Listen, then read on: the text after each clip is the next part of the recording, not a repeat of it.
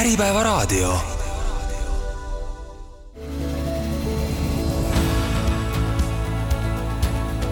juhtimisaudit. tere taas, olete saate Juhtimisaudit lainel. tänases saates räägime muudatuste juhtimisest ja avame eduka muutumise valemin. mina olen saatejuht Helen Klettenberg ja seda teemat aitab lahti mõtestada minu tänane vestluskaaslane, kelleks on muudatuste juhtimise ekspert, koolitaja, konsultant Tiina Sakkas. tere, Tiina! tere, tere! tänapäevane turbulentne ärikeskkond pakub äh, organisatsioonidele pidevalt äh, erinevaid väljakutseid ja muutusi, millega siis kiiresti kohaneda on vaja. tihti just see muutusega kaasamineku valmidus on see, mis võib luua eelise konkurentide ees. Kuidas sulle tundub, milline on täna keskmise ettevõtte muutuste juhtimise kvaliteet? Väga hea küsimus kohe alustuseks, äh, sest et äh, kõik ju, nagu sa isegi ütlesid, on pidevas muutuses maailmas ja ärikeskkond muutub üha kiiremini ja tõesti, olen täiesti ka seda meelt, et äh, sa saavutad mingit liiki erilisema konkurentsieelise teiste ees, kui sa oskad neid muutusi süstematiseeritult ja, ja võimalikult siis ka kiiresti või, või siis ka niimoodi, et inimesed kaasa tulevad, selliselt läbi viia.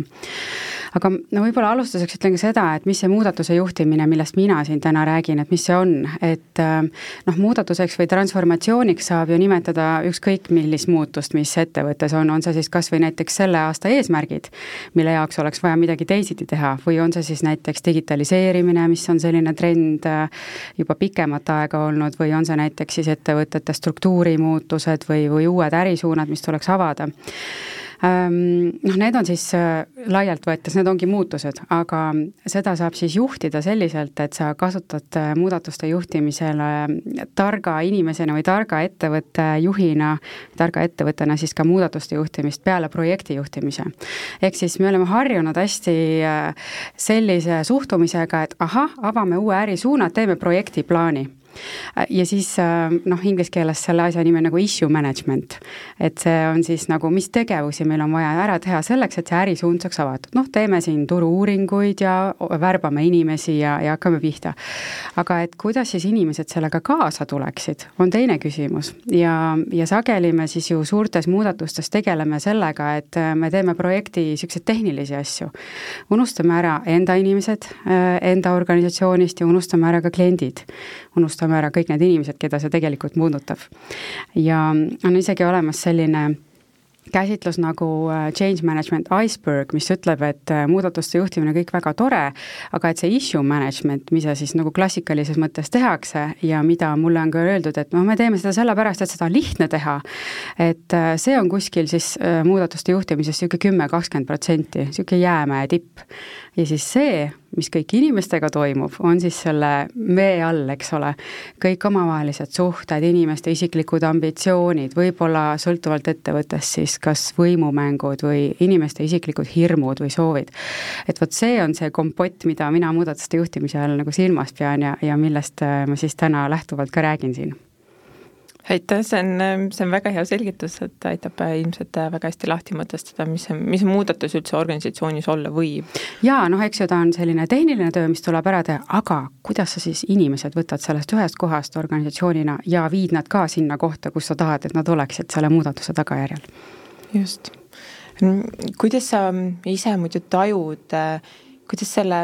muudatuse juhtimise kvaliteediga on, et kas pigem on see teadlikkus organisatsioonide sees suurenenud või sa tajud, et ikkagi on päris palju vaja eelnevalt seda teadlikkust tõsta, et üldse minna muudatuste juhtimise juurde?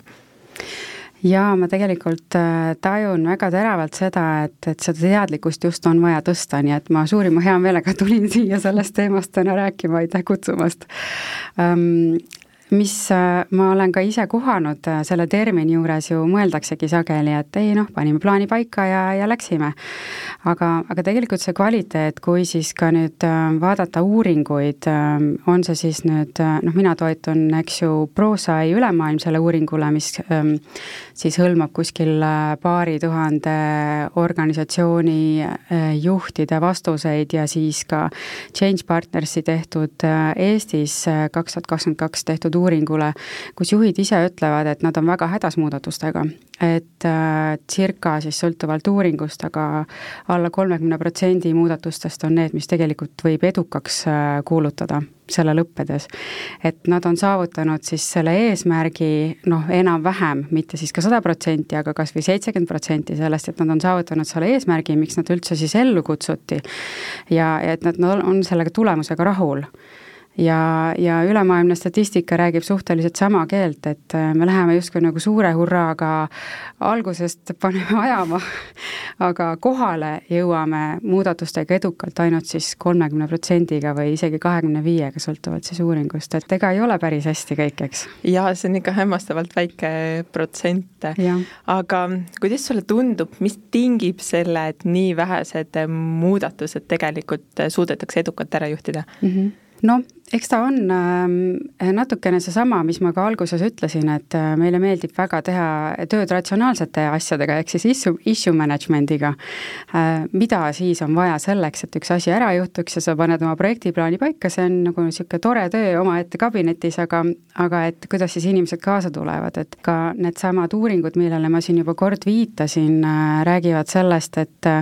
kui juhid ise näiteks ei ole kaasatud, või kui kommunikatsioon, äh, noh, kommunikatsioon tegelikult saab ju olla ka ainult selle peal, mis on valmis mõeldud, et kui see kommunikatsioon on kehv, aga teisest küljest, ehk siis see valmis mõeldud muudatus on sisu poolest läbi mõtlemata, ehk siis ta on struktureerimata, seal on eesmärgid paika panemata, seal on vastutused paika panemata. Ähm,, siis äh, kui töötajad ei ole sellega kaasatud, on ju, kui nad ei saa ise panustada või kui nad ei saa aru, miks see muudatus vajalik on, no siis see tee läbikukkumiseni on suhteliselt selliselt äh, noh, sillutatud, väga hästi sillutatud kuidas äh, üldse ära tunda organisatsioonis äh, vajadust muutuste järgi? Mm -hmm. see on selles mõttes hästi, hästi hea küsimus, et äh, muidugi võib ka ju filosofeerida selle üle, et, et kui midagi töötab, et kas peab muutma no vahel võib-olla peab, siis kui on äh, selline soov innovatsiooni teha, eks ole, et äh, ilmselt meil ju ka kunagi enne äh, Steve Jobsi leiutisi ju ei olnud otseselt vajadust iPodide või iPhone'ide või Macide järele, eks aga see oli tema vajadus midagi luua, ehk siis ühest küljest selleks muudatuseks on, on innovatsiooniloome või siis selle vajadus, aga teisest küljest, kui vaadata selliseid äh, tavapäraselt edasiliikuvaid organisatsioone, siis seal selleks muudatuse põhjuseks on rahulolematus enamasti, see võib olla siis rahulolematus kas näiteks sellega, et eesmärke ei saavutata, võib olla rahulolematus näiteks ettevõtte kultuuriga või on töötajad rahulolematud sealsamas ettevõttes sees või on kliendid rahulolematud.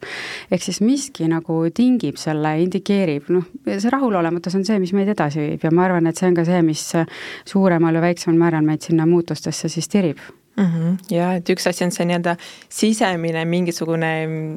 probleem või mingi asi, mis tingib selle, et me peame muutuma, aga on ka erinevaid väliseid tegureid, mis ja. tingivad, on ju, see muutuv ärikeskkond, et täna, mis see väga suur muutus on, on kogu see ESG temaatika, on ju, eh, digitaalne transformatsioon, et kõik see on tegelikult ka, mis nii-öelda ettevõtteid kammitseb ja järjest enam nii-öelda peale tuleb, et sa pead muutuma, kui sa nüüd ei muutu, siis ilmselt sa jääd nendest kiirematest ettevõtetest maha, on ju. jaa, absoluutselt, et ma kuidagi tõlgendasingi juba seda väljaspoolt sisse tulnud äh, indikatsiooni ka siis selliseks rahulolematuseks, et ma ei vasta sellele, mis minult nõutakse. on see siis jah, seadusandlus või on see siis ühiskonna või kas või klientide soov, et inimkond ju ka areneb selles võtmes, et ega enam äh, sa ei saa kakskümmend aastat tagasi välja, ma ei tea, töötatud tootega või klienditeenindusegagi tänapäeval väga purjetada enam, et, et ootused on hoopis teises kohas juba. pluss veel seadusandlus, pluss veel muutuv ärikeskkond, kui siin on veel sellised poliitiliselt äh, piinavad olukorrad, siis äh, oma äride ringi korraldamine, et, et need väliseid tegureid on ka päris palju, jah. jaa, just. ja näiteks mõnes ettevõttes, kus ma ise olen praegust äh,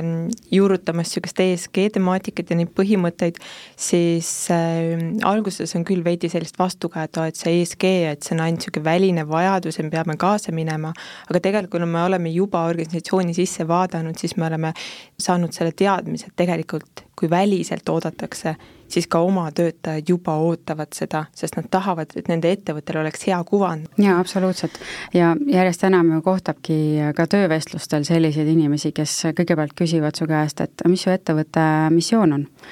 mida sa teed head sellele maailmale ja siis äh, järgmised küsimused on need, mis puudutavad töö sisu ja siis tulevad palgateemad. Et, ähm, et see, et äh, kuhu ettevõte panustab või mis on tema jälg maailmas või mis on tema mõju maailmas, äh, on töötajate jaoks ka kindlasti väga oluline, et see ei ole minu jaoks ka ainult regulatsioon. ja kas või kui mina näiteks ka, kui ettevõtteid screen in või vaatan, siis on ju teatud kohad, kus sa saad ka nende sellist ESG indeksit või, või jalajälge vaadata, et, et see on noh, minu jaoks ta näitab ka väga palju. jah, just, et, et me ei räägi seal ainult sellest, et mida ettevõte teeb keskkonna jaoks, vaid mida ta teeb ka oma töötajatega, see omab nagu väga olulist eh, osakaalu kogu sellest temaatikast. Ehm, sa eelnevalt mainisid ka seda, et eh, kogu see muudatuste juhtimine peab tegelikult olema hästi struktuurne ehk tood sa välja, millised on peamised sammud muutuste planeerimise protsessis mm? -hmm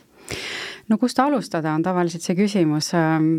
ja sealt, kuidas edasi minna, eks see sõltub ju paljudest ettevõtetest, aga, või siis sellest konkreetsest muutusest, aga mina alati soovitan alustada sellest, et äh, mõelge omavahel selgeks,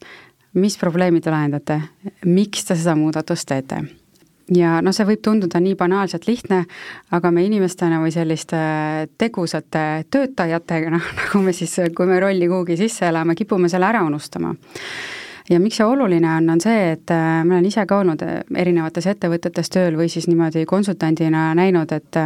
et justkui nagu peaks olema selge, miks me mingit muudatust teeme, ükskõik, kas siis sellist digitransformatsiooni või siis muudame mingisugust teenuse kvaliteeti teistsuguseks äh, või näiteks koostööd mm, ettevõtte sees, siis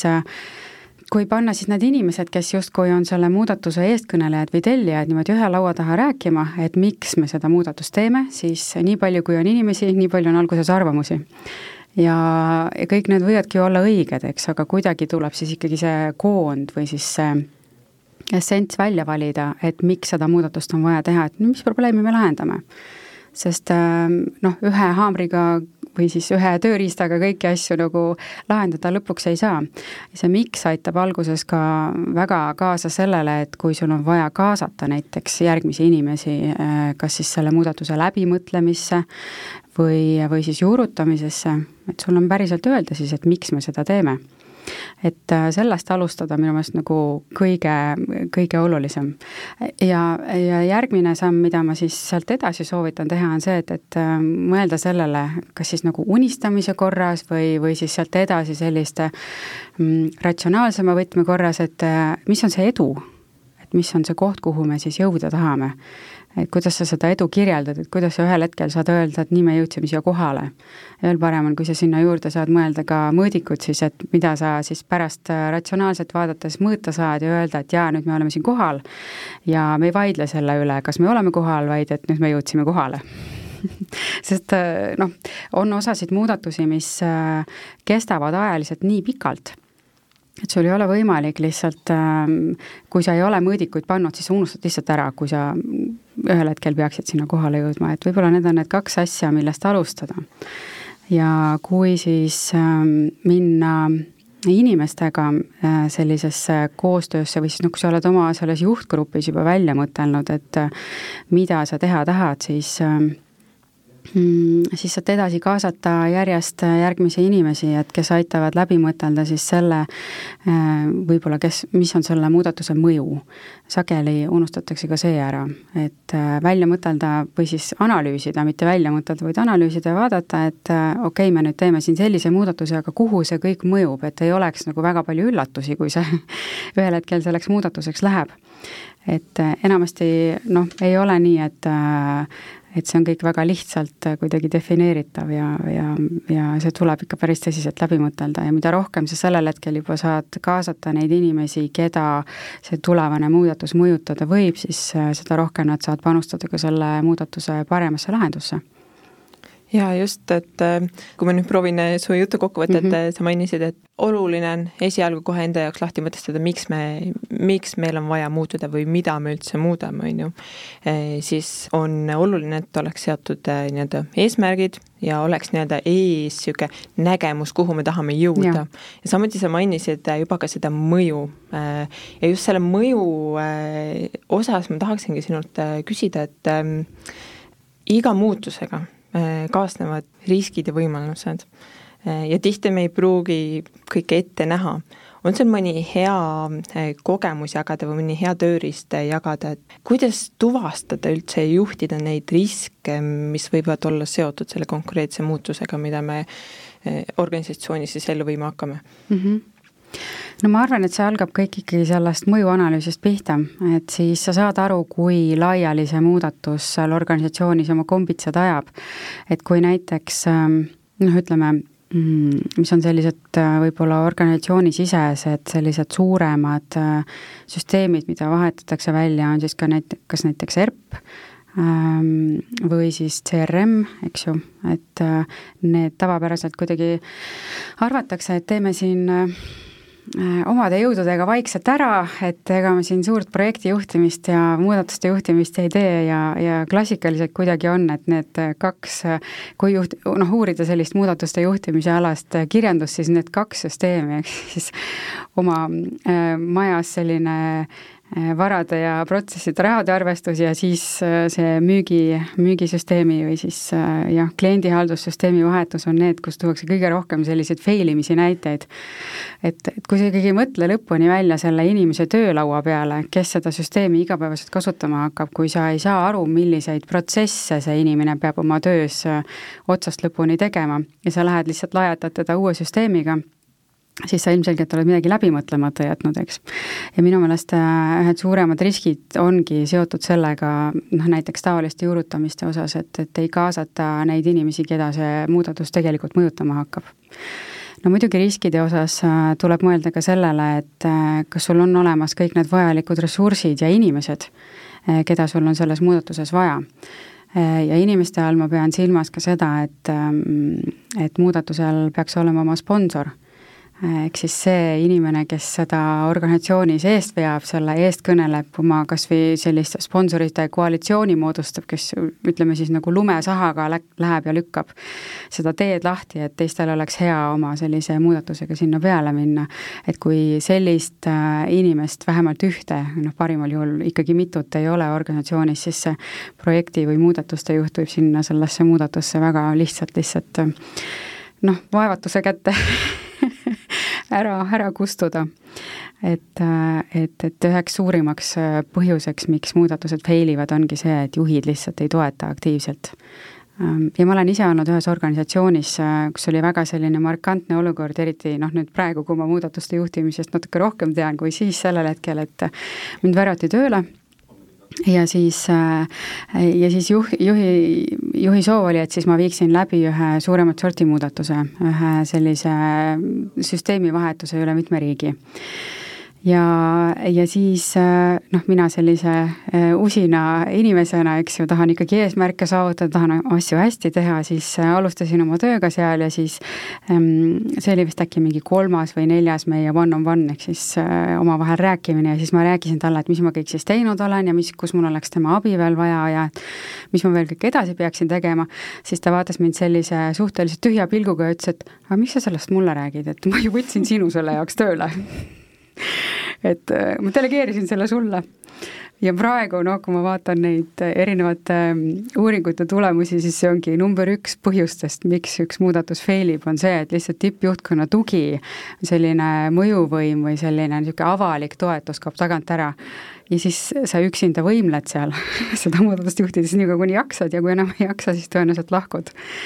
et äh, see on üks väga olulisi riske, mille ja. peale peab mõtlema. see on päris hea näide, kuidas muutuste juhtimine ettevõttes pekki keerata absoluutselt, jah. jõudsime väga hästi siit juhtkonna teemadeni, et äh, neid muutusi ettevõttes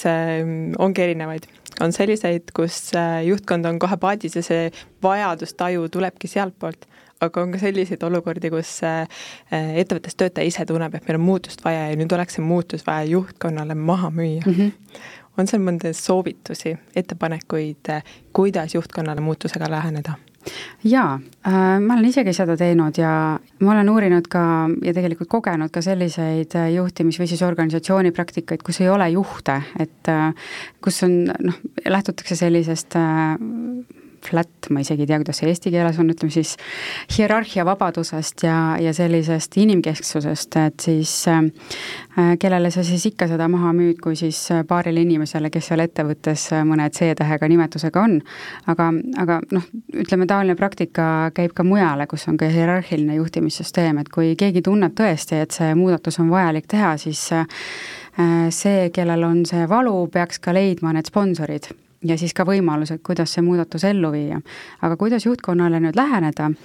ähm,, selle jaoks saab väga edukalt kasutada Atkari mudelit, mis on ka üks muudatuste juhtimise minu jaoks üks selliseid äh, vundamendikive, ehk siis äh, Atkar äh, esimene A on siis teadlikkus, T on tahe äh,, K on teadmised, A on ehm, ehk siis äh, suutlikkus ja, ja R on siis seal see mm, kinnistamine, ehk siis selline viiest komponendist koosnev mudel ja, ja seda tegelikult läbib muudatuses iga inimene ise isiklikult, et muudatus on alati selline isiklik teema, et sa ei saa seda lülitist sisse ja välja lülitada, vaid et sul on teekond sinnani. ja samamoodi, kui sa siis nüüd lähed kas siis juhtkonna juurde või siis äh, mõne teise sellise olulise inimese juurde organisatsioonis, kellel on mõjuvõimu või keda sa tahad enda paati, siis sa pead arvestama seda, et kõigepealt sa pead tegema väga palju tööd selleks, et oleks teadlik sellest, mida sa tahad. Miks, mis on see sinu eesmärk, seesama, millest me rääkisime. mis probleemi sa lahendad, mis siis saab, kui me seda muudatust ära ei tee, ehk siis nagu oleks arusaadav, et see muudatus on vajalik siis teisena see äh, tuleb siis äh, koos selle teise inimesega aru saada, et miks tema peaks tahtma seda muudatust äh, toetada või sellega kaasa tulla. ja seal on siis sõltuvalt rollidest ja inimestest ju ka erinevad ähm, ütleme, sellised aspektid, mis siis kedagi mõjutavad.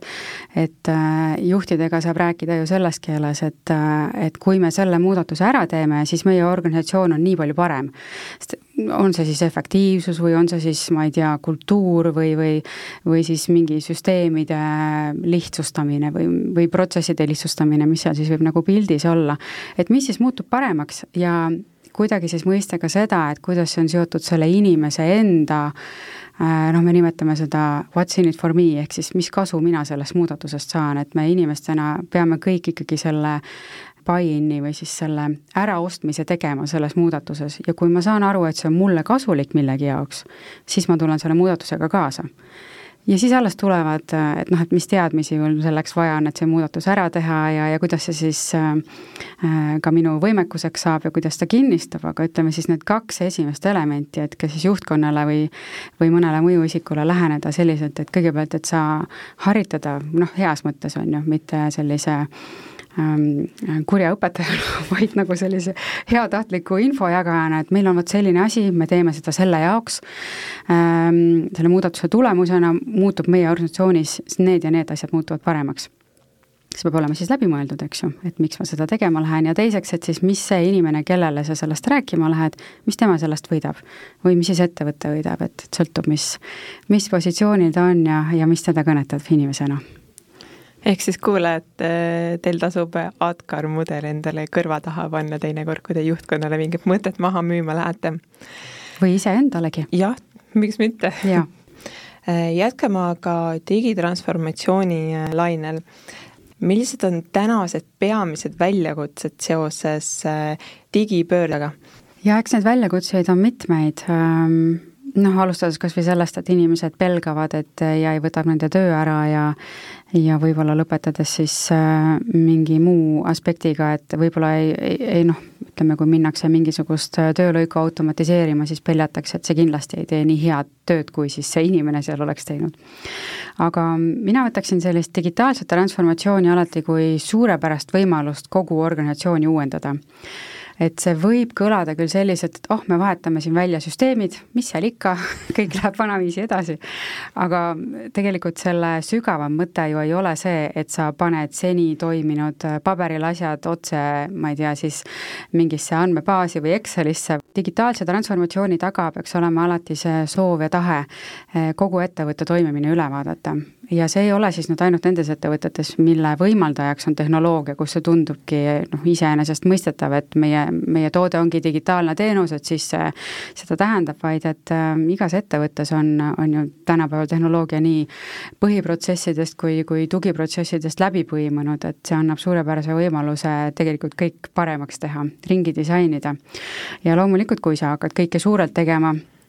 siis seal on palju sellist äh, riske ja loomulikult vastupanu, noh, see nõuab muudatuse juhi ja siis selle sponsori poolt ikka niisugust väga teadlikku pikka projekti, ähm, kannatlikkust ja, ja selle juures teadlikult olemist, ähm, et see ei, ei käi üldsegi lihtsalt. aga noh, mõtle ise, kui sul on siis nüüd selline noh, kõige lihtsam on ju tuua selline poe näide, et äh, sa lähed poodi, siis äh, praegu tavaliselt füüsiliselt poodi, siis äh, sa ise valid seal korvikesse oma asju välja, seal on äh, letide vahel on, eks ju, teenindajad, lõpuks siis lähed kassasse, maksad oma asjad ära, paned asjad kor-, sinna oma kotti ja, ja lähed koju, aga et noh, kui see on siis nüüd digitaliseeritud, see protsess, siis see ju näeb välja selline, et see asukoht juba, kus sa seda toimingut teed, on hoopis teine, kodus oma laua taga, valid korvi asjad ära ja siis ei ole neid inimesi, kes, kes seal väljapanekuga ka kuidagi poodi aitaks ja, ja pärast kassas sinu raha vastu võtaks, vaid et äh, see protsess ju toimub kõik automaatselt ja pärast on vaja hoopis teistsugust äh, komplekti teadmisi ja oskusi, kes sulle selle paki ära saadaks koju. et äh, selline sarnane noh, meile kõigile tuttav digitaliseerimine noh, veidi teistsugusena saab olla igas ettevõttes, et, et kõik saab minna lihtsamaks ja kõik saab minna kuidagi just siis ka nagu inimese jaoks kuidagi kiiremaks ja automatiseeritumaks. see kõlab nii suurelt, aga aga ta ongi suur. et, et kui teha, siis mina ütleks, et teeks juba korralikult, aga muidugi see ei tähenda seda, et sa võtad kogu ettevõtte ette ja teed kõik ringi ja ikkagi minna tasub niimoodi sammhaaval ja ja võib-olla protsess protsessi haaval vaadata, kust see kõige kiirem mõju tuleb, et, et sealtpoolt minema hakata Äh, ja et see digitaalne transformatsioon, see tundub ettevõtetele selline suur tükk, mida ette võtta, et äh, et kui juba mõelda sellele ERP-i vahetusele, siis ihukarvad tõusevad püsti, et äh, pigem ei tahaks seda teemat puudutada, et äkki saab kuidagi samamoodi edasi, teeme mingid väikesed liidestused juurde või äkki me ei pea nii suurt tükki täna ette võtma, aga mm, selle taustalt me võiksimegi avada seda, et kuidas sa üldse tajud, millised on täna äh, need kõige suuremad väljakutsed, mis on seotud digitaalse transformatsiooniga? no võib-olla seesama suurus ongi see, mis äh, esimesena ehmatab ja jätab kõigepealt äh, tükiks ajaks ettevõtte äh, juhtkonna üldse kaaluma, et kas meil kogu selle töö niisuguse operatiivse elu kõrvalt on üldse aega, raha, võimalusi ja jaksu ja energiat tegeleda sellega, et siis midagi täiesti pea peale pöörata. ja eks see on alati nagu valiku küsimus, et, et vahel võib tunduda, et ah, äkki tulevikus on kergem ja võtame siis ette, no enamasti elu näitab, et siis on juba veel raskem. et ega see muudatuste tempo nagu ju väiksemaks ei jää ja, ja ühel hetkel siis, kui niimoodi kogu aeg mõelda, et äh, küll jõuab, küll jõuab, et meil on praegu nii palju teha, siis äh, ja õigel ajal mitte seda investeeringut teha, siis võid sa olla juba nii palju maha jäänud teistest, et on väga keeruline juba seda kaotatud tagasi tekitada. sest selle digitaliseerimise käigus ju ei muutu mitte ainult äh, nüüd see süsteem, vaid et seal peal muutub kogu ettevõtte sisemine toimimine ja ka klientide teenindamine, võib-olla ka teenused klientidele täiesti et ähm, on osasid sektoreid juba, kus sa enam muud moodi ei saagi, et äh, sa sellist käsitöölist asja ju enam ei võeta, keegi enam ju väga uue poena välja ei tule selliselt, et tal on ainult riiulid ja, ja mitte e-poodi ei ole, et, et see liigub ju edasi sektorist sektorisse. Ja, ja tegelikult ju ka täitsa tootmisesse, et, et kui sa ühest tootmisettevõttest näiteks töötajana lähed teise, siis siis on ju ka kohe näha, et kes on digitaliseerimisega jõudnud kuhugi maale. Või kui sa oled partner näiteks mingisugusele tootmisettevõttele, siis sa järgmist partnerit ju valid ka selle järgi, et sa ei taha oma, oma standardides alla anda, eks, et sa oled harjunud mingisuguse kvaliteediga või mingil, mingil moel seda teenust saama, digitaalselt näiteks, või siis võimalikult automatiseeritud, et ega sa siis ei lähe järgmisena valima tehast, kes sinu nõuetele enam ei vasta et see on kindlasti see suure tüki risk seal. siis äh, mis ma veel arvan, on see, et risk niisuguse suure digitaliseerimise juures on see täpselt, millest me juba ka varem rääkisime, et seda mõju ei hammustata päriselt lahti ja, ja tuleb liiga palju üllatusi tee peale ette, et äh, ahaa, tõesti, et kui me nüüd äh, need süsteemid välja vahetame või oma tootmise automatiseerime, et siis tegelikult seal ahela lõpus juhtub veel midagi, mille peale üldse mõeldud ei ole ja mis on tegelikult ka ju täitsa loogiline, sest kui sa teed uut asja, siis sa ju leiutad. aga siis võib ju küsida ka juba kogemust, kogemusi ja nõuandeid teiste käest, kes seda teinud on ja võib-olla üks asi, mis mul veel kohe praegu niimoodi pähe tuleb, on see, et äh, digitaliseerimisega või siis mingite süsteemivahetustega, mille tagajärjel toimub ka selline suurema astme digitaliseerumine, et, et kui enne näiteks oli meil ka noh, nimetasime, et me oleme digitaalne ettevõte, meil oli nagu Google Sheets ja ja mingid sellised noh, tavapärased digitaalsed töövahendid. Ja siis nüüd võtame süsteemina kasutusele mingisuguse päris äh, toote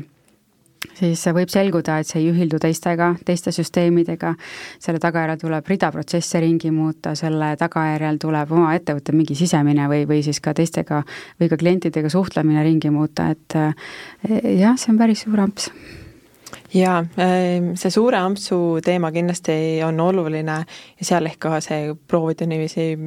väiksemateks juppideks Just. lahti mõtestada, on ju, et eh, ma ise eh, harrastan päris palju rattasporti ja siis on ka teinekord see, et kui sa mõnda väga, väga nii-öelda suurt tõusu võtad, siis seda tõusu on sul palju lihtsam võtta, kui sa oled selle nii-öelda väiksemateks vaheetappideks eh, lahti mõtestanud. et kuidagi kergem on ja. vaimselt üldse vastu minna ja digimuutustega ka, mis ähm, ma olen ise tajunud, sest et äh, nagu iga muutusega, siis ka digimuutused äh, teinekord ei õnnestugi. et äh, tuleb ette seda, et ei läinud nii, nagu tahtsime. ja mis ma olen tajunud, mis väga tihti seal taga on ka see, et ei ole osatud ehk äriprotsesse piisavalt detailselt lahti mõtestada. et iga niisuguse digitaalse muutumise nii-öelda üks oluline osa on see, et me mõistame väga süvitsi, mida me muutma üldse läheme. et see ehk välistab ka seda, et meil lõpus oleks väga palju niisuguseid ootamatuid üllatusi, et, et, et me unustasime ära selle tegevuse, me unustasime ära selle osapoole või selle infosüsteemi. et tihti on olnud seda, et äh, tuleb tagasi tulla sinna äriprotsesside juurde ja natuke veel eeltööd teha, enne kui muutusesse sisse saab minna. jaa, täiesti nõus ja, ja tegelikult sellise transformatsiooni, digitransformatsiooni ka kaasnev nähe väga sageli ettevõtetes ongi see, et hakatakse kirja panema, kuidas me üldse asju teeme. enne seda see on kuidagi juhtunud. just no ma ei tea, kuidagi juhtub siin ära ja, ja kõik on päeva lõpuks tehtud, aga et kuidas siis ikkagi ja, ja kes teeb mida ja et see võib olla päris selline noh, tükk tööd juba enne, kui sa lähed noh, teadlikult, eks ju, kui seda muudatust võtad, siis sa ju lähedki kõigepealt kaardistama neid äriprotsesse ja siis sa lähed võrdlema neid erinevaid tooteid, mida sul on näiteks sinna asemele asemele, olemasoleva toote asemele võtta või mida sa siis digitaliseerimiseks kasutama hakkad ja siis sa võrdled neid protsesse ja vaatad, kuidas siis, mida sa pead muutma ja mida sa saad kohandada selles tootes ja nii edasi. aga sageli seda tõesti ei tehta, et olen ise koha, kohanud küll muudatusi, kus ettevõttesse, suurde-suurde ettevõttesse on, on viidud uus ERP ja, ja siis raamatupidaja, kes siis äh, on ka üks süsteemi osapool ja kasutaja siis äh, vaatas ühel hommikul tuli tööle, oi, uus töövahend on, aga et ta ei tee mitte midagi sellist, mida ma seni olen pidanud tegema. et aidake mul siis nüüd aru, aru saada, et, et kuidas siis ma nüüd oma töö saan tehtud et sellised halvad näited on, on täiesti olemas, aga muidugi on ka selliseid näiteid ettevõtetest, kes mõtlevad just selles järjekorras, noh, nagu sinagi ütlesid, et sa kõigepealt mõtled läbi, kuidas ja mida sa üldse teed. sul on oma töökorralduse protsessid kaardistatud ja selged ja siis sa lähed, eks, võrdlema, et mis on see parim sobivaim fit sinu olemasolevale ärile, eks ju. jaa, just selle just, ja kuulajatele ka mõttekildsid kaasa, et üks hetk, kui te olete selle äriprotsesside maastikul ja tajute seda vajadust oma protsessi kaardistada, siis kindlasti mõelda läbi, mis tööriistaga seda teha, et pigem kaaluda selliseid andmepõhiseid tööriistu, mis aitavad äh, hiljem ka neid protsessijooniseid statistiliselt ja andmepõhiselt analüüsida. aga nii palju protsessidest, et äh, lähme sinna inimeste poole peale. muutused ju igatepidi väga palju mõjutavad erinevaid osapooli nii organisatsioonisiseselt kui ka väliselt. mis on need soovitused, kuidas üldse oma töötajaid sinna muutusdebatti saada, kuidas neid kaasa saada selle muutusega, mis need edutegurid seal on? Mm? -hmm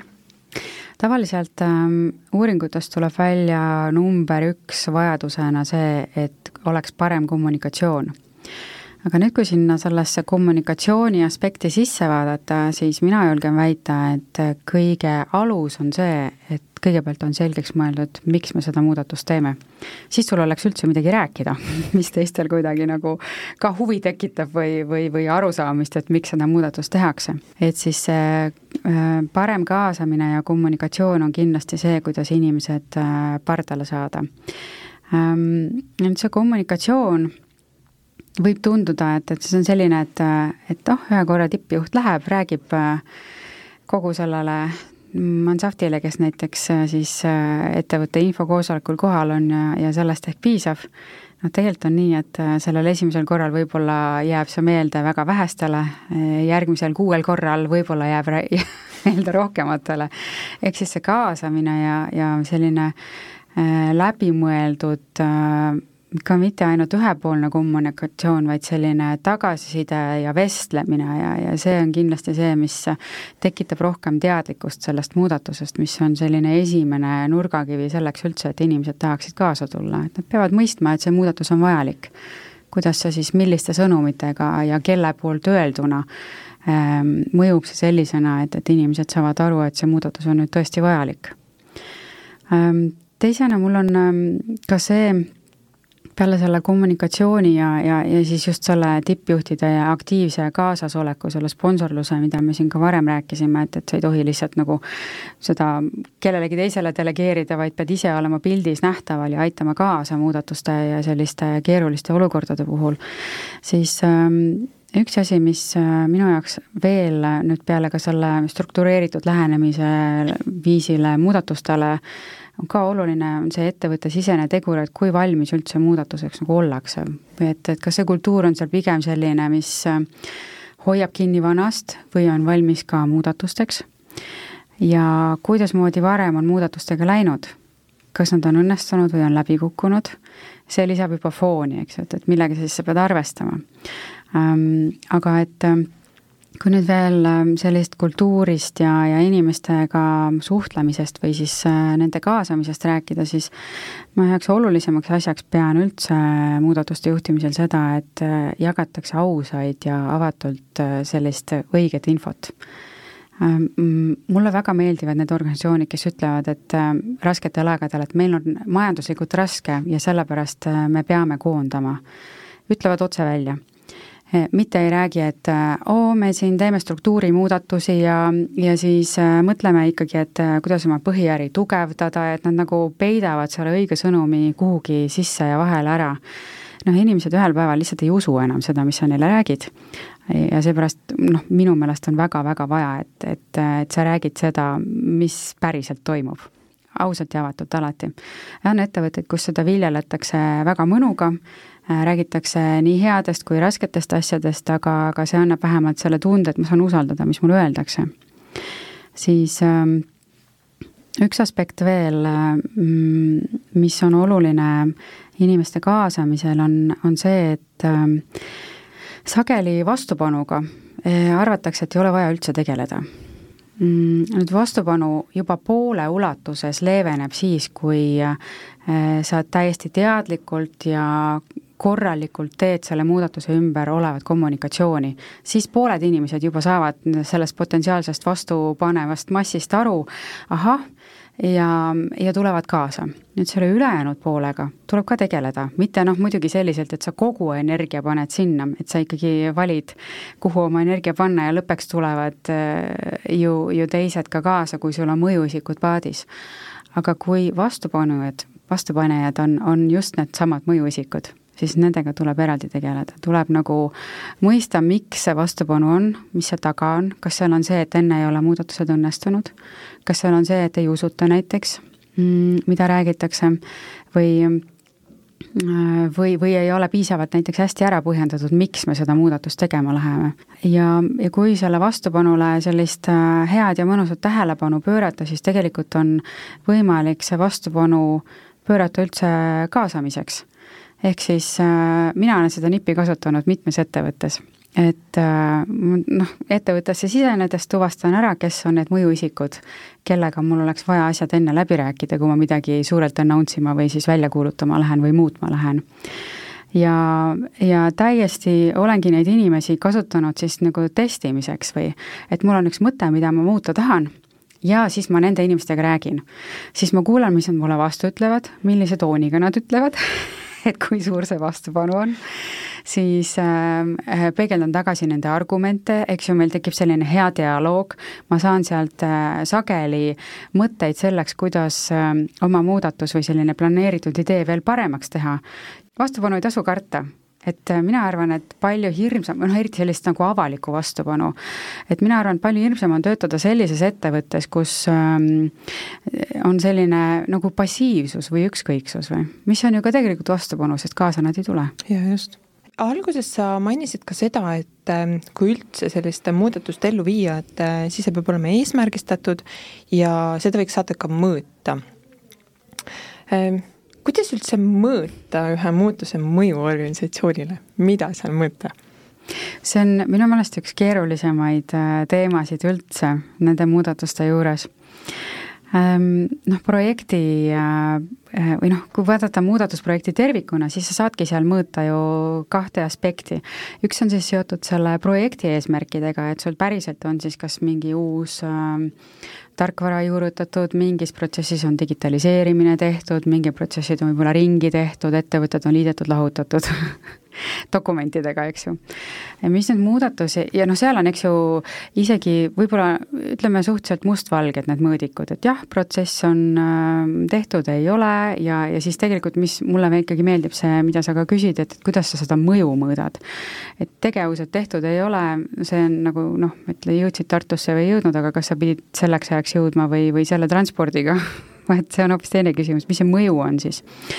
ja mõju, mina soovitan küll jah, ka kõikidel projektidel äh, hakata juba, on see siis OKR-ide või mis iganes äh, metoodika alusel mõõtma. ja see on hästi siis ikkagi organisatsiooni spetsiifiline, mida soovitakse saavutada. Kui aga asi nüüd äh, puudutab sellist muudatusega kaasatulekut, siis seal on võimalik mõõta näiteks vastupanu või siis seda, kui hästi on kaasa tuldud, sellesama ATKAR mudeli